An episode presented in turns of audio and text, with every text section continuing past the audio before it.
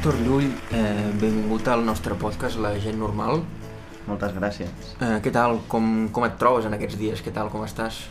Doncs molt bé, anímicament bé, una mica a l'expectativa de a veure què passa aquests dies amb, amb el tema de la pandèmia. Preocupat? Eh, bueno, el tema de la pandèmia m'ha preocupat en el sentit que m'ha de preocupar, però sí que és veritat que en la mesura que, que avançaven els mesos, doncs li he anat perdent por, tot i que tampoc vol dir que em eh, vagi totalment relaxat. Però bé, aquí estem. Vas a classe? Eh, presencialment no, o sigui, faig online tot perquè la meva facultat va decidir fer eh, les classes online excepte 3-4 dies que dos ja els he fet i els pròxims teòricament han de ser al desembre, però bé, ja veurem si són o no perquè tal com estem ara doncs no ho sé. Però bé, de moment sí que faig online i, i bueno, adaptant-nos a la situació acadèmica en línia.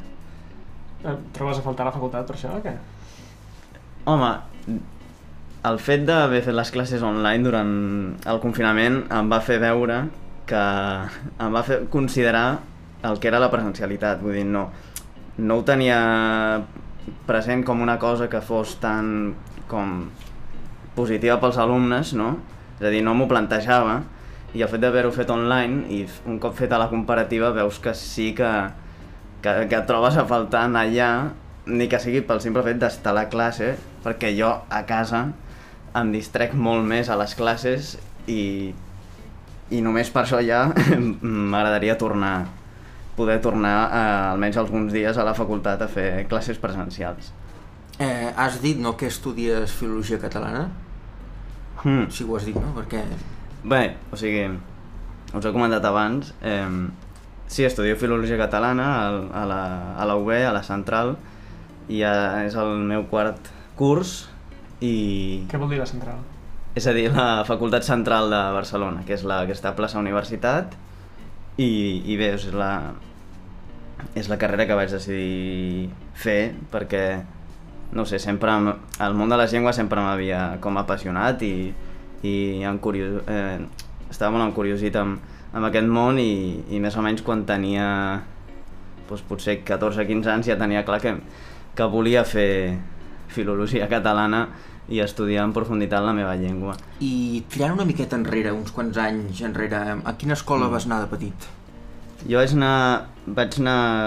A la meva etapa escolar eh, està dividida com amb la escola de primària i l'escola de secundària i batxillerat. Llavors vaig, les dues són concertades i, i bé, eh, la diferència era bastant eh, notòria perquè el ser la primera una escola de primària era més petita, eh, l'escola en si també era petita, l'edifici, i llavors això feia que més o menys et coneixies amb tothom en el sentit de saber qui era l'altre, no? En canvi, el fet d'anar a una escola secundària vas allà i coneixes els del teu curs i, i poca gent més, no?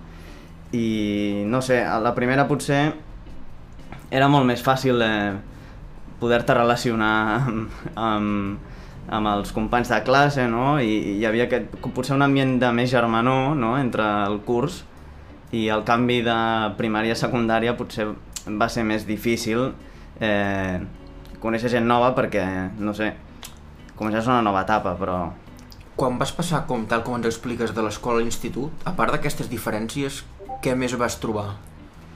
Bueno, eh, vaig trobar bueno, això que hi havia més gent, que era una escola molt gran, o sigui, tampoc és tan gran l'escola, però en comparació amb la, meva, amb la meva de primària era bastant més gran. I...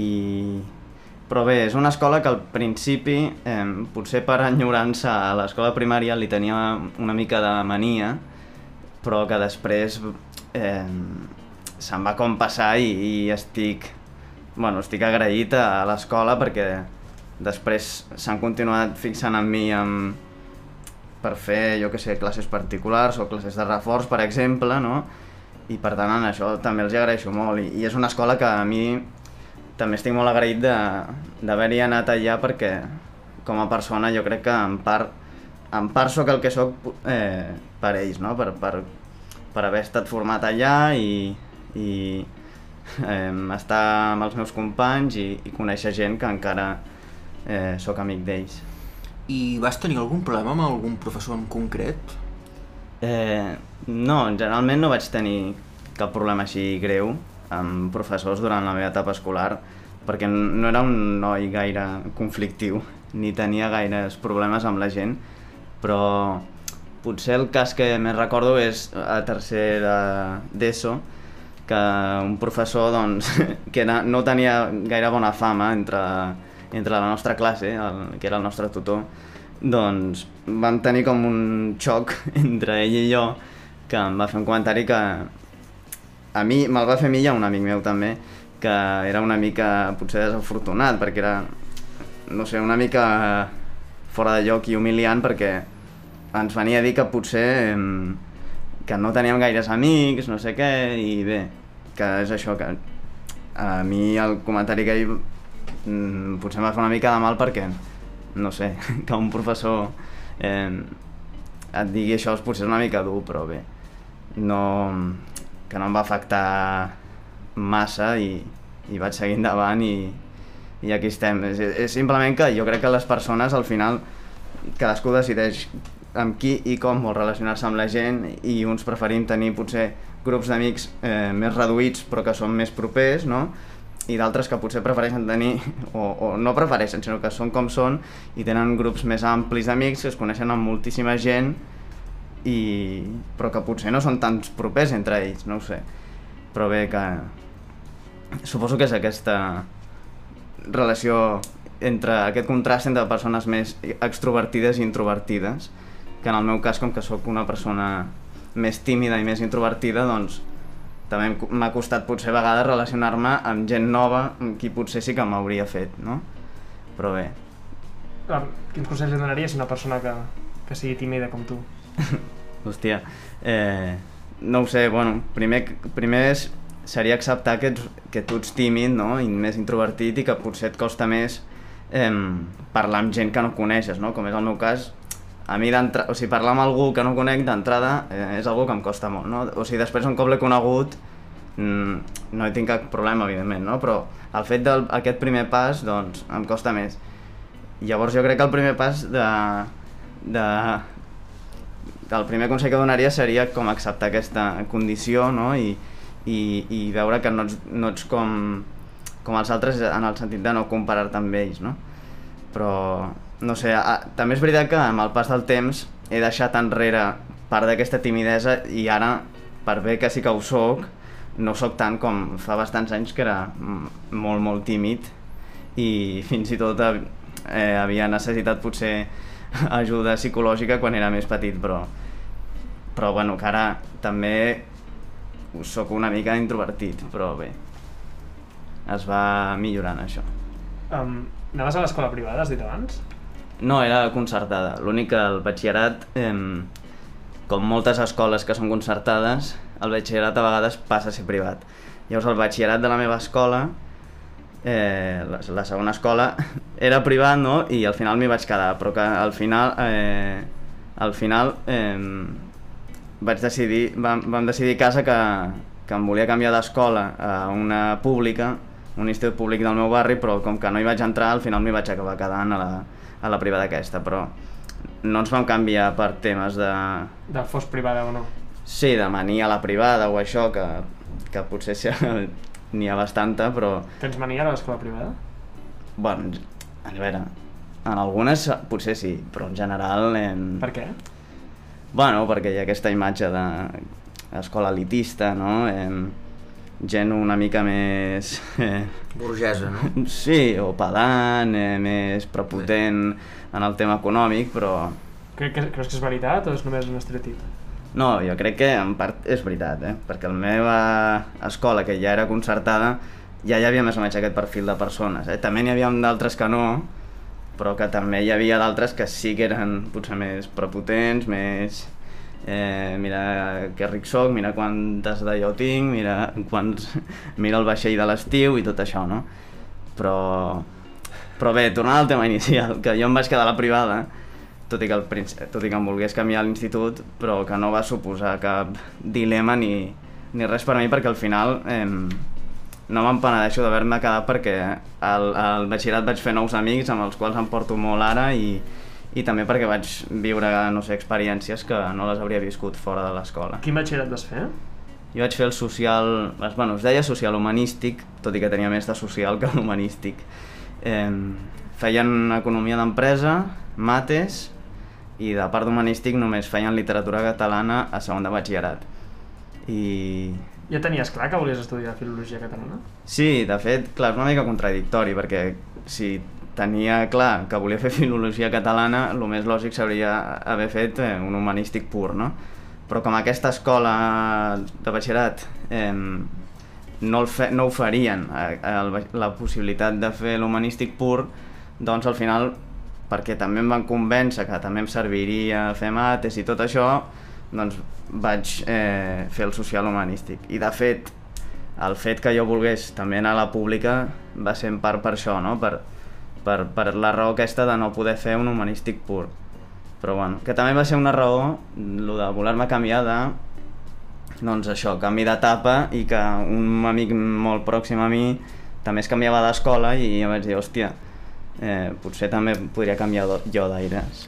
Em parla'ns una mica de, de la carrera, de com l'has viscut i quines experiències has tingut. Doncs, bueno, en general l'experiència ha estat molt positiva perquè bueno, és la carrera que volia fer i, i, i un cop entrat a la carrera també m'he endut una sorpresa de, de veure que la carrera, no, la matèria d'estudi és molt més àmplia del, del que t'ofereixen a l'escola, no? Llavors descobreixes noves coses, no, nova, nous vessants d'aquest- de la llengua i tot, que, que són molt interessants i enriquidors i, i, i que també són possibilitats de feina, no? I, i això que en general l'experiència està molt bé i tot i que també hem tingut com inconvenients de doncs començar-la i just començar l'1 d'octubre, no? Eh, L'any passat la sentència i ara el coronavirus, però vull dir, en general eh, jo la trobo... He trobat una experiència molt positiva i, i estic molt content amb l'elecció de la carrera i, i vull dir que si pogués tornar-la a escollir, la tornaria a escollir. Eh, ets, bueno, et consideres una persona eh, molt polititzada. Des de quan has viscut d'aquesta manera la política? Sempre has pensat el mateix? Bueno, vaig començar... La, la meva relació amb, amb l'interès per la política va començar més o menys quan feia quart d'ESO, que vam començar a parlar-ne a l'escola, a, a l'assignatura de filosofia, i justament coincidia amb unes eleccions al, al, com es diu, municipals, no? a l'Ajuntament de Barcelona, en el nostre cas, però també a, a tota Catalunya, i diria que a tota Espanya també. I llavors, bueno, el- la combinació d'aquests dos factors va fer que em comencés a interessar per la política, no?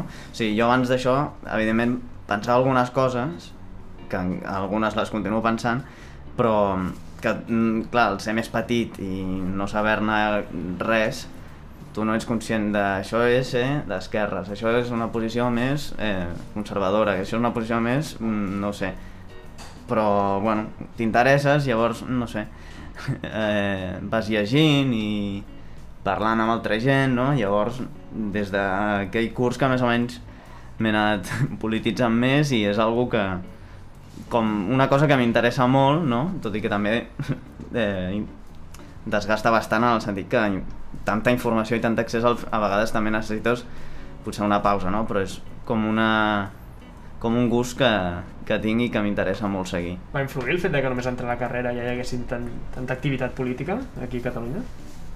Sí, jo crec que sí, que deu haver influït, vull dir, el fet que ja també començàvem a posar-se en marxa el, el procés i, i tot això que naixien les eh, partits d'esquerra més alternativa, com va ser Podemos a l'estat espanyol i, i l'entrada de la CUP al Parlament català, doncs suposo que anava influint. I l'arribada del referèndum eh, ja més o menys estava bastant polititzat i i tenia bastant clar les meves posicions, eh, va ser com un punt bastant important i, i algo que tampoc oblidaré mai, crec. I més estudiant filologia catalana generaven debats a classe sobre el tema? Eh, bueno, eh, clar, filologia catalana pel fet d'estudiar la llengua catalana, no, més o menys eh, es pot, eh, es pot eh, tenir clar que més o menys els que som estudiants tenim certes posicions polítiques no, que en altres carreres potser són més diferenciades. Eh? No vol dir que tots pensem el mateix, votem el mateix, però és veritat que l'espectre ideològic doncs, no és tan ample com podria ser a la carrera de, no sé, dret o ciències polítiques tot i que també tela, no? però, bé, va ser... no sé. També és veritat que al moment del referèndum, com ja va ser l'octubre i la carrera començava al setembre, eh, no van tenir gaires debats ni, ni res perquè acabàvem de començar i, i, i no ens coneixíem tots els de la carrera de Filcat perquè mm, ho va dir el David, em sembla, la seva entrevista, la primera que vau fer, que les, les assignatures del primer semestre de la carrera són combinades no? i barrejades amb altres carreres de la facultat i per tant això dificultava conèixer altres companys de la teva carrera no? que jo de fet el David el vaig conèixer el segon semestre el primer no, no el vaig conèixer i diria que ni el vaig veure per la facultat i per tant això també, això també dificultava el fet de conèixer i fer-te amic amb altra gent de la teva carrera, no? Perquè això de fer una assignatura ara amb uns, una altra assignatura amb uns altres, ara una altra assignatura amb uns altres que no sé què, i gent que potser ja no tornes a veure més, doncs dificultava més i encara més si ets introvertit, tímid, no? I quines impressions eh, tens de, sobre els professors, companys, les assignatures, ambient...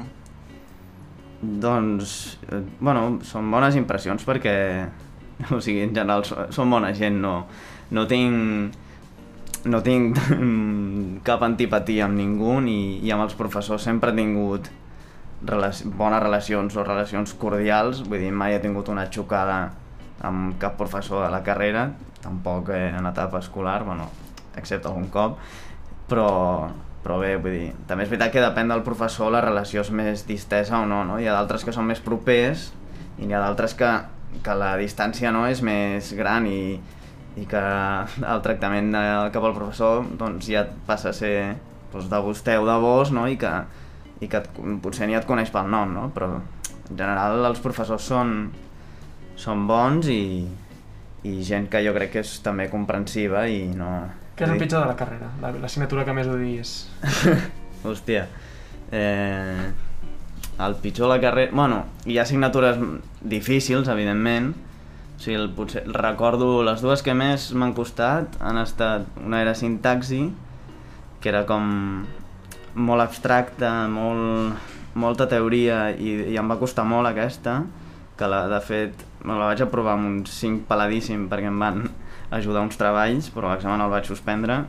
I després una altra era que es deia crítica textual, que vaig anar a recuperació al setembre per... Bueno, perquè la vaig suspendre De a la... En què consisteix? Crítica textual? Bueno, així resumidament era bueno, una part de teoria de l'assignatura sobre conceptes filològics i una altra era, si no m'equivoco, era com transcriure uns textos de literatura medieval concretament d'Ausias Marc, el David em sembla que se'n recorda que era David- xunga. David fa cara de... de... sí, Mare de, meva, si era difícil. de patir-la. Doncs això, transcriure'ls del català de medieval a l'actual. I, i llavors deixava un marge de pocs errors. I jo aquesta la vaig suspendre a l'avaluació eh, continuada i vaig haver d'anar a setembre i al setembre la vaig aprovar amb un 5 que també va ser gràcies a que el professor em va dir que em veia una persona així intel·ligent però que no m'havia esforçat gaire però bueno, com que també li caia bé doncs que em, em deixava passar però sí, sí I assignatures de tercer i de quart, quines són les que més has disfrutat? Doncs bé, tercer i quart, com, com ja passes de la formació més bàsica de la carrera, ja en assignatures més específiques, doncs ja pots començar a veure i tastar el que més t'agrada de la carrera. Llavors a mi eh, m'han agradat molt assignatures com, per exemple, la història de la llengua, sobretot més moderna i contemporània, eh, sociolingüística, eh, dialectologia, que és un món que el, potser o sigui, sabia més o menys el que era, no? però que l'he descobert del tot ara, no? i és algo que potser, bueno, potser segurament tiraré per aquí doncs, per dedicar-me. De què et voldràs dedicar, quina sortida té? Doncs, per exemple, ja es toca molt el tema de dinamització d'ús del català, no? O sigui, jo què sé, Consorci de la Normalització Lingüística, eh, Plataforma per la Llengua, eh, a Direcció de Política, Direcció General de Política Lingüística de la Generalitat, aquests, aquests mons, no? Eh, és a dir, treballar amb l'ús del català, que és algo que és molt important i, i vital per la llengua, doncs és algo que he vist ara, no? També hi ha el món de planificació lingüística, política lingüística, tot això que és bastant interessant, no? I, i és algo com que no coneixia, no? perquè la majoria de gent de filologia catalana acaba sent professor i mestre, que és, més, és la professió que tenia en ment jo quan vaig començar la carrera, vull dir, ja tenia en ment que em dedicaria a la docència i pràcticament no em plantejava res més, però el fet de descobrir això, dius, hòstia, és interessant i, i molt guai, i llavors penses, bueno, doncs potser tiro més cap a això, jo. Eh, has estat fent, bueno, durant un temps, classes particulars de, de català. Eh, T'ha agradat eh, el tema, l'experiència? Sí, eh, des del 2018, del primer any de la carrera vaig començar a fer classes particulars, alguns alumnes de, de la meva antiga escola, perquè em vaig apuntar a la borsa de treball, i, el, i com que era l'únic de la meva generació, i també de bastants anys, que vaig acabar una carrera de lletres i concretament a filologia catalana, doncs això feia que pràcticament tingués jo el monopoli de les classes particulars i totes les demandes m'arribaven a mi. I, I llavors, clar, com que no tenia gens de competència, m'ha beneficiat perquè eh, aquests anys he tingut bastants alumnes i és com la feineta que més diners m'ha donat i, i, i que més m'ha ajudat. I... La borsa de treball aquesta al teu institut, per això? Sí, sí, sí. Eh, T'apuntes allà i dius, doncs apunteu-me per fer classes de català i castellà, no? que és el meu cas.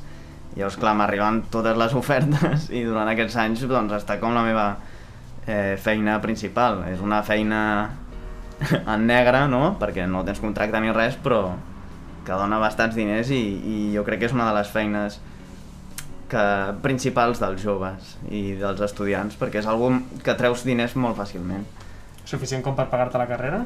No, O- això no. Vull dir, jo el que he guanyat eh, treballant no m'ha donat per pagar-me gaire cosa. Vull dir, ha estat per pagar-me les meves coses de, jo que sé, d'oci i, i algunes coses de formació però que he pagat a mitges amb, el meu, amb els meus pares. Però no, no, ni molt menys m'ha ni molt menys he guanyat lo suficient per pagar la carrera o, o, o altres coses més importants. Eh, també treballes bueno, per al diari Jardí, que és Sí. un diari de, del teu barri. Sí, és el... Tu barri és, perdona? Jo veig que a Sant Gervasi, de Cassoles, que potser dit així sona una mica... Bé, que hi ha un, una sèrie de tòpics no, sobre el barri, que potser m'interessa un moment ara parlar sobre aquests tòpics, sí, sí, i tant, i tant. Doncs això, jo sóc de Sant Gervasi de Cassoles, eh, d'un dels barris que el conforma, i, i bé, és algo que els que som habitants d'aquell barri i, i no ens identifiquem amb el prototip de persona de, que té tothom d'aquell barri, ens fa certa vergonya dir, no? Llavors, clar, els que, toquem, els que vivim més a prop de Gràcia diem, "Pues, jo sóc de Gràcia, no? I els que viuen més a prop de, doncs, de l'Eixample, doncs diuen que són de l'Eixample, potser. Però bé, eh, Però per què sona malament dir que ets de Sant Gervasi? Bueno, perquè es té la visió aquesta de que és barri pijo, adinerat, no? de benestant, que també, eh? però vull dir que és un barri que històricament també ha estat, sobretot anys enrere, que era també de gent normal de Barcelona, de classe treballadora, i que encara hi ha gent que, que som de, de família de, de classe treballadora, que els meus pares no són burgesos ni propietaris de res, són treballadors que, que es guanyen el sou en la seva feina i, i paguen eh, la, la, la, el que s'ha de pagar, no? Eh, llavors això, que hi ha altres realitats en aquest barri, no? que potser no se saben. Vull dir, ara mateix també s'ha constituït un sindicat d'habitatge, que era algo bastant necessari per afrontar la, la problemàtica que hi ha al barri amb l'habitatge, no? Vull dir, també hi ha desnonaments a Sant Gervasi, vull dir, d'aquí dos dies, a, a dia d'avui, el dimecres, eh, hi ha un desnonament a prop de casa meva. Fa dues setmanes en va haver-hi un altre, no? Vull dir, que hi ha altres realitats al barri de doncs, gent que li costa pagar el lloguer, per exemple, no? O, o gent que ha de marxar del barri, sobretot els que som joves, perquè no podem afrontar un lloguer en el nostre barri i inclús marxar de la ciutat, eh? perquè també és un problema eh, general. Llavors és això, que hi ha altres realitats que també s'han de fer visibles i s'han d'afrontar i que els que conformem el moviment popular del barri les estem eh, confrontant i, i lluitant. Ara, si no tinc malentès, eh, l'Ajuntament va firmar un decret per tal de regular els preus dels lloguers Sí, Eh, això és una molt bona notícia, no?, pel que fa als temes desnonaments. sí, és algú que sí, va aprovar el, el Parlament fa unes setmanes, no? que se suposava que era una llei per eh, regular els preus dels lloguers, que és una demanda que portava demanant fa molt de temps el sindicat de llogaters, entre d'altres organitzacions, i veurem en què es transforma això, si acaba passant, si no s'acaba tombant pel, pel Constitucional, però bé, els desnonaments segueixen a la ciutat de Barcelona i, i evidentment no només al barri de Sant Gervasi, eh?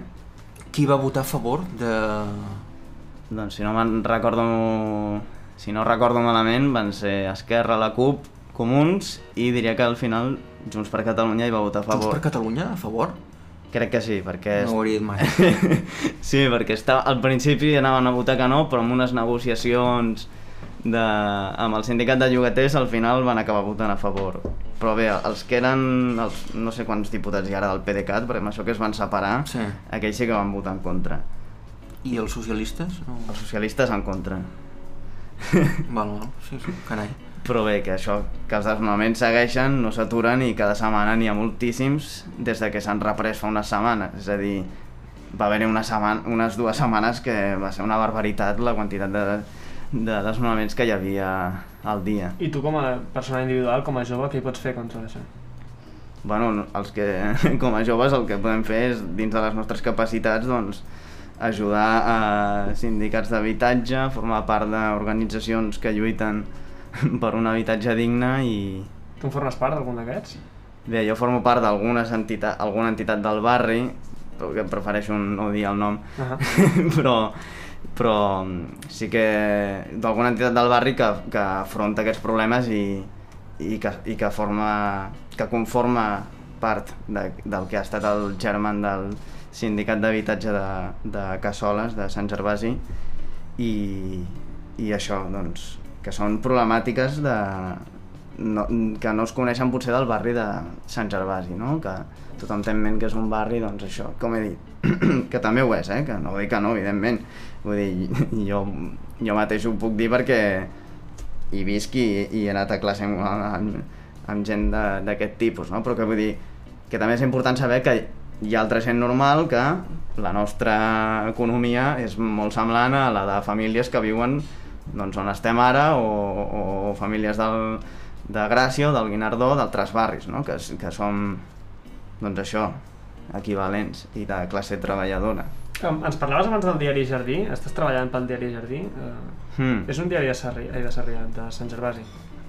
Sí, és, el, és un diari, de, és un projecte de premsa cooperativa, de, és, de, llavors és a nivell de districte, Sarrià-Sant Gervasi, Uh -huh. que també acull eh, Vallvidrera, que per cert a Vallvidrera està el projecte de la Buenos Aires, d'una casa eh, ocupada per fer front a, a, una, a la construcció d'un hotel de luxe que s'hi vol fer de, a Vallvidrera i bé, llavors eh, soc corrector d'aquest diari des de fa bueno, des del gener d'aquest any i, Com vas aconseguir-ho? i bueno, bé, em- coneixia el diari així de- d'haver-lo vist pel barri perquè és un diari com molt proper a la, a la seva gent i bueno, fullejant el diari i mirant per internet vaig pensar, potser necessiten algun corrector llavors Hi havia faltes, eh?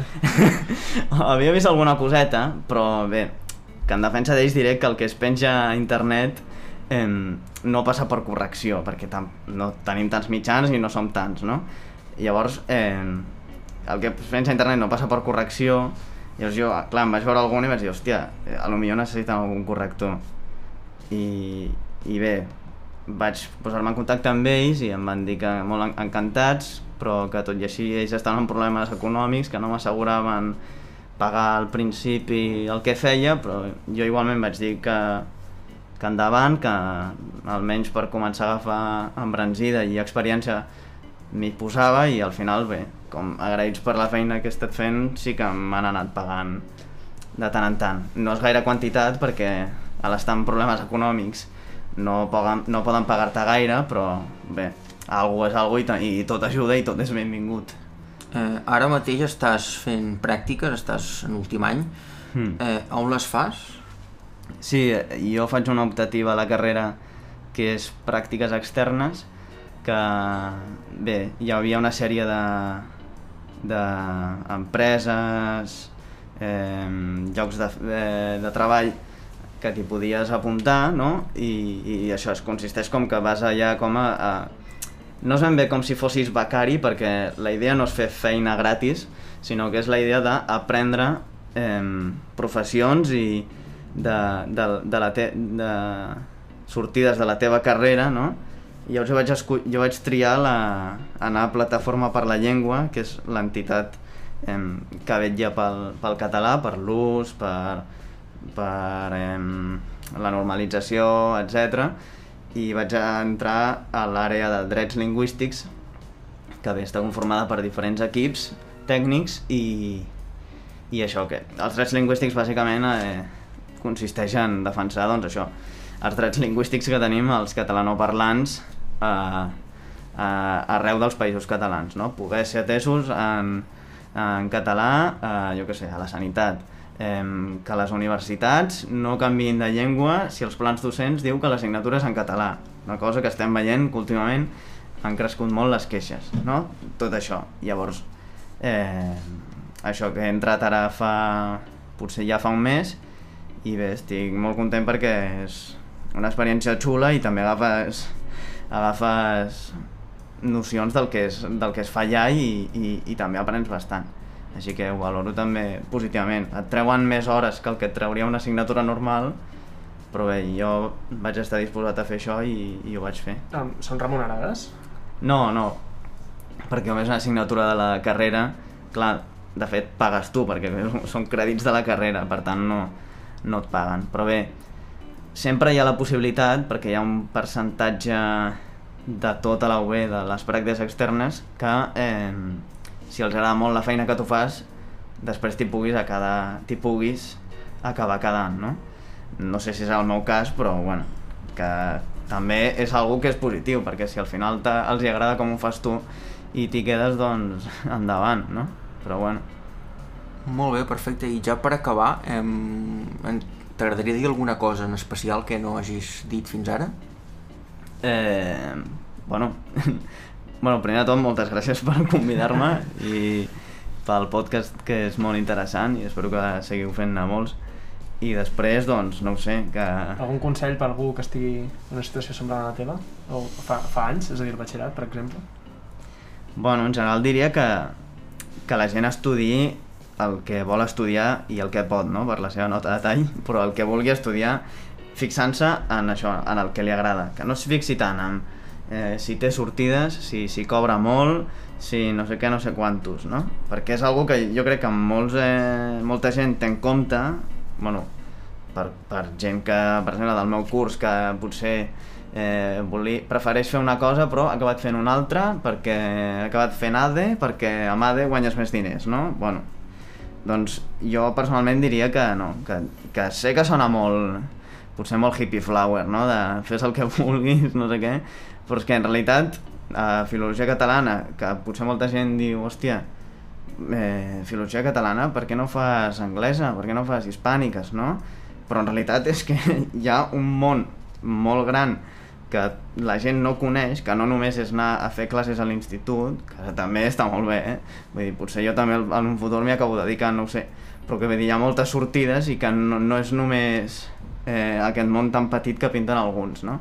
És a dir, quan comences una carrera pots acabar descobrint noves sortides, que és el que m'ha passat a mi, per exemple, i, i això, doncs, que, que no es fixi tant en, en si paguen molt, si té moltes sortides, si aquesta no sé què, no? Per tant, jo, des de, com a estudiant de Filologia Catalana, doncs, encoratjo a seguir el que un vol estudiar. I si és Filologia Catalana, per mi millor. Molt bé, Héctor. Moltes gràcies per haver vingut. A vosaltres per convidar-me.